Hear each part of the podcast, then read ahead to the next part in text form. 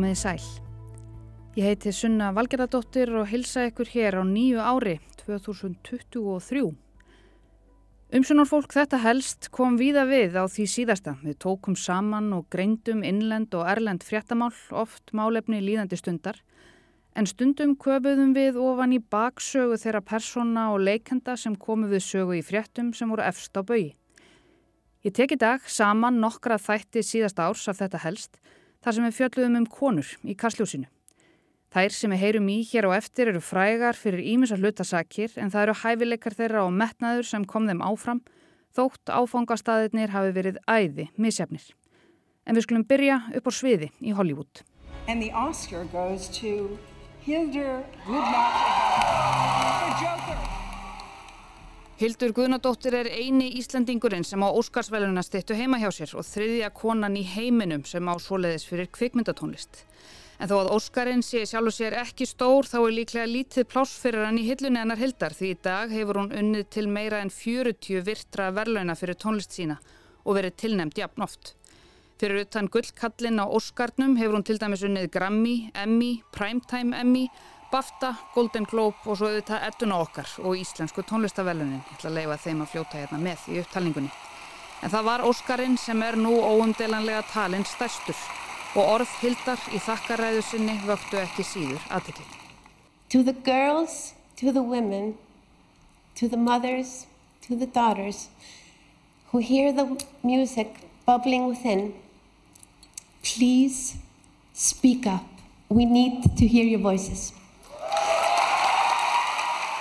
Til stúlnanna, kvennanna, maðranna og dætranna sem heyra tónanna krauma innra með sér hækki rómin. Við þurfum að heyra rattir ykkar.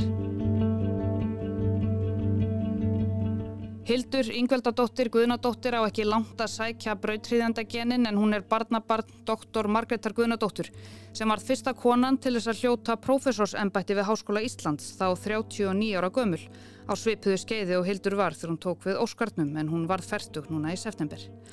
Hún vann lengi náið með tónskaldinu Jóhanni Jóhansinni heitnum og hefur sagt að það samstarf hafi í raun komið henni á kortið í heimi kvikmyndatónlistar.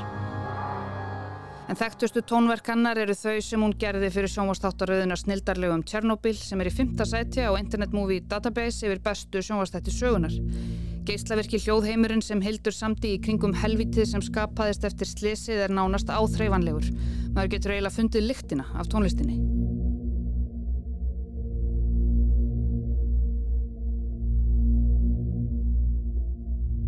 Hún laði líka töluvert á sig til þess að ná fram rétt að tóninum. Hún heimsótti meira segja gamalt kjarnorku veri litáin, ekki ósvipað verinu í Tjernobyl.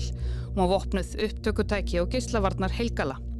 Hún tók upp hljóðin inni í verinu og blandaði þeim saman við tónlistina hennar þannig að umhverfis hljóð kjarnorkuversins fylgi okkur í gegnum allt verkið. Hildur hlaut fjölda veluna og viðurkenninga fyrir Tjernobyl meðal annars BAFTA og Grammy. Og svo kom Jokerinn.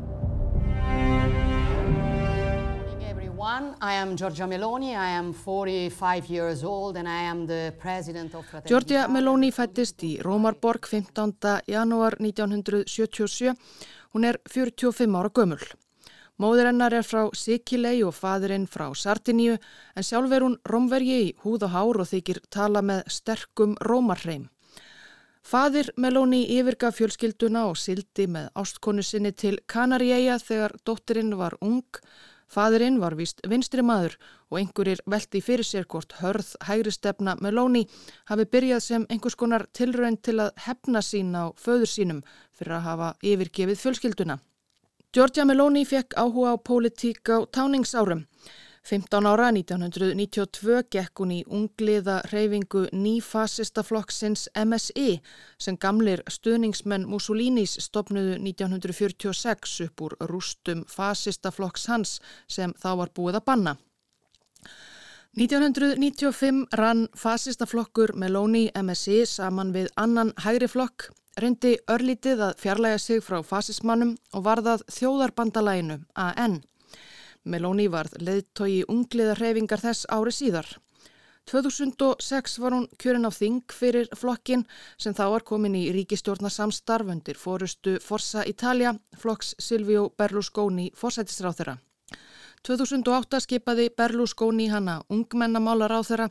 Meloni var þá 31 árs gömul og yngsti ráð þeirra í sögu sameinaðrar Ítalju. Meloni, smávaksinn og ungleg, ljósherð með græn augu og gjarnan kvítklætt, skar sig talsvert úr innan um gráleita gamla karla sem lengst af hafa drottnað yfir ítölskum stjórnmálum. che da negativa noi dobbiamo tentare di trasformare in emulazione positiva, cioè Síðla árs 2012 bauð Meloni sig fram til formensku í PDL-floknum en hafði ekki erindi sem erfiði. Hún tók þá höndum saman við nokkra samherja sína, þau klufu sig úr PDL og stopnuðu nýjan stjórnmálaflokk.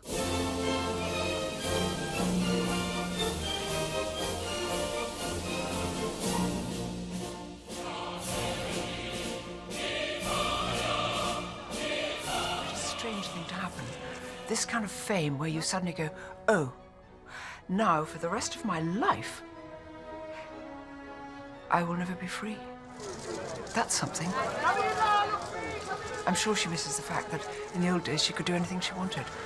And nobody would have observed her. And now the eyes are on her forevermore. Það er örgulega fyrðulegt að verða allt í einu orðin svo fræg að maður hugsa með sér Ó, nú mun ég aldrei verða frjáls aftur. Camilla Rosemary Shand er fætt í London 17. júli 1947 og var því orðin 75 ára þegar hún varð eiginkona konungsins. Camilla knows very well that what she has to do is to do what Prince Philip has done very admirably in his public persona, which is to take second place. Þetta er ekki fyrsta sinn sem við erum með fráskilinn konung, segir bladamæður. Hinrik áttundi til dæmis, þó að hann hafi tekið aðeins öfgakendari skref með sínar konur en að skilja við þær. Og önnur bladakona bendir á að Camilla viti fullvel að nú verði hún að gera það sama og Filipus drottningamadur gerði, setja sjálfa sig í annarsætið og eftir krúnunni, fórna sér fyrir konungin. Nancy Patricia D'Alessandro fættist í Baltimore í Merilandi í Bandaríkjónum í mars 1940. We are a very devoutly Catholic family, uh, proud of our Italian-American heritage, fiercely patriotic and staunchly democratic.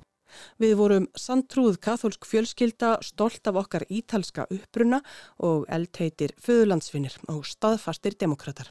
Þetta saði Nancy Pelosi, fráfærandi fórseti fulltróðdeildar bandaríkjathings. Hún er úr stjórnmálafjölskyldu en ætlaði aldrei sjálf út í stjórnmál. Pappi hennar, Thomas D'Alessandro, sata á bandaríkjathingi þegar hún var barn og varð síðan borgarstjóri í heimabæð þeirra, Baltimore. Einn eldri bræðra hennar, alnafni föðurins, varð líka borgarstjóri í Baltimore. Nancy kynntist einmanni sínum í framhaldsskóla, sá heitir Paul Pelosi og varði í oktober fyrir hrottalegri árás með Hamri og heimili þeirra hjóna í San Francisco í aðdraðanda þingkostningana. Rúmlega færtur Karl David Peppi var á höttanum eftir eiginkonu hans þingforsettanum ætlaði að ræna henni. Dave Peppi ætlaði að neyða Nancy Pelosi til að segja sannleikan, ætla myndi hann veita henni alvarlega líkamlega áverka. Þingforsetin var í Washington borg og slapp, ein maður hennar hefur verið útskrifaður af sjúkrahósi. Hinn katholska Nancy Pelosi eignaðist á samt einmanni sínum Pól fimm börn á sex árum. Fjóra stúlkur og eitt dreng. Þau fluttu til San Francisco í Kaliforníu þar sem að Pól starfaði í fjárfestingabanka og Nancy var heimavinnandi, homemaker eins og bandar ekki menn tala um. Nancy Pelosi er í hópi efnuðustu þingmanna fulltróðadeildarinnar. En Pól Pelosi segir að ekki tafi bent til þess að einkona hans hafi ætlað sér út í stjórnmál, ekki neitt, en þegar að krakkarnir voru allir komin í skóla hafi Nancy farið að vinna sem sjálfbúðaliði fyrir demokrataflokkin. Boltinn tók að rúla og hún var kjörun á þing 1987 og var liðtói demokrata í fulltróðadildinni árið 2003. Árið 2007 var hún fyrsta konan til að gegna ennbætti fórsetta fulltróðadeildarinnar og svo aftur árið 2019. Sá eða svo sem gegnir þeirri stöðum tekur við ennbætti bandaríkja fórseta ef að eitthvað kemur bæði fyrir fórseta og varafórseta. En nú, eftir þingkostningarnar þar sem að demokrater töpuðu meiri hlutanum í fulltróðadeildinni tilkynnti Pelosi að nú væri komin tími til fyrir aðra að leiða flokkin í þingdeildinni. Mörgum demokrautum þóttir endar komin tími til, Pelosi hefur stýrt lengi og er orðin mjög fullorðin. Hún hefur heldur ekki haft neinn lausatök á þingflokknum, frekar en á heimilinu áður fyrr. I give notice that Liz Truss is elected as the leader of the Conservative and Unionist Party. During this leadership campaign, I campaigned as a Conservative and I will govern as a Conservative. Mary Elizabeth Truss er fætt þann 27. júli 1975 í Oxford. Pappennar, John Kenneth Truss, var starðfræðiprofessor í háskólanum í Leeds og mamman, hjúkrunafræðingurinn, kennarin og baróttukona fyrir kjarnorku afvopnavæðingu, Priscilla Mary Truss. Fóreldrar hennar og þó sérstaklega pappennar hafa tekið stjórnmálaskoðanir dóttur sinnar heldur betur næri sér nú í setni tíð og hefur verið haft eftir pappennar að hans er bara virkilega miður sín vegna þeirra ákvarðana sem dóttur hans hafi tekið á ferlinum. Nú hefur hún talað opinskátt um uppvöxt sinn og að fóreldrar hennar hafi tekið hana með á mótvæli vegna kjarnorkuvopna og til að mótmæla störfum Margaret Thatcher. I went on marches. I made banners. I stayed at peace camps. Hún lætur þetta hljóma svo litið eins og friðarbúðir séu einhvers konar öðruvísi og öllu hræðilegri búðir sem ég ætla að láta ógert að nefna hér. En Truss skipti all hressilega um skoðun hvað varðar grundvallar atriði stjórnmólana þegar hún áttaði sig á því hversu gott starf að hennar mati Margaret Thatcher sem hún hafi mótmælt harlega með fóreldrum sínum hér í eina tíð hafi unnið fyrir Breitland. Hún hefur einmitt oft verið borin saman við Margaret Thatcher nú í setni tíð sem er Truss alls ekki á móti skapi. Síðan flutt hún til Englands og fór þaðan til Kanada og svo aftur til Oxford þar sem hún laði stund á heimsbyggi stjórnmál og hagfræði. Hún gekk til liðs við íhaldsflokkin Breska 1996 sem var mikil stefnubreiting fyrir hana.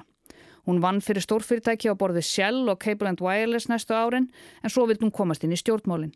Eftir nokkrar miðsefnaðar tilraunir til þess var Truslock skoðsinn á Þing 2010. Tveimur árum síðar gekk hún til liðs við ríkistjórn David Cameron sem mentamálar á þeirra og undir stjórn Theresa May nokkrum árum síðar var hún valin dómsmálar á þeirra, fyrsta konan til að gegna því ennbætti. The ride for me was not and has not been easy and maybe your ride won't be easy. Ferðin mín hingað hefur ekki verið auðveld. Ég hef fengið minnst skerf af áföllum, andlegum og líkamlegum en ég stend ekki hér vegna þess að ég sildi bara með eða teikaði far. Fólk hefur litið fram hjá mér vegna þess að ég er svört, fólk hefur ekki tekið mark á mér vegna þess að ég er svört. Ég er með 21 risa titil og ég er ekki búinn, saði Serena Williams þarna í viðtali um árið og ávarpaði ekki síst aðdáendur sína, ungar svartar stúlkur með framtíðina fyrir sér.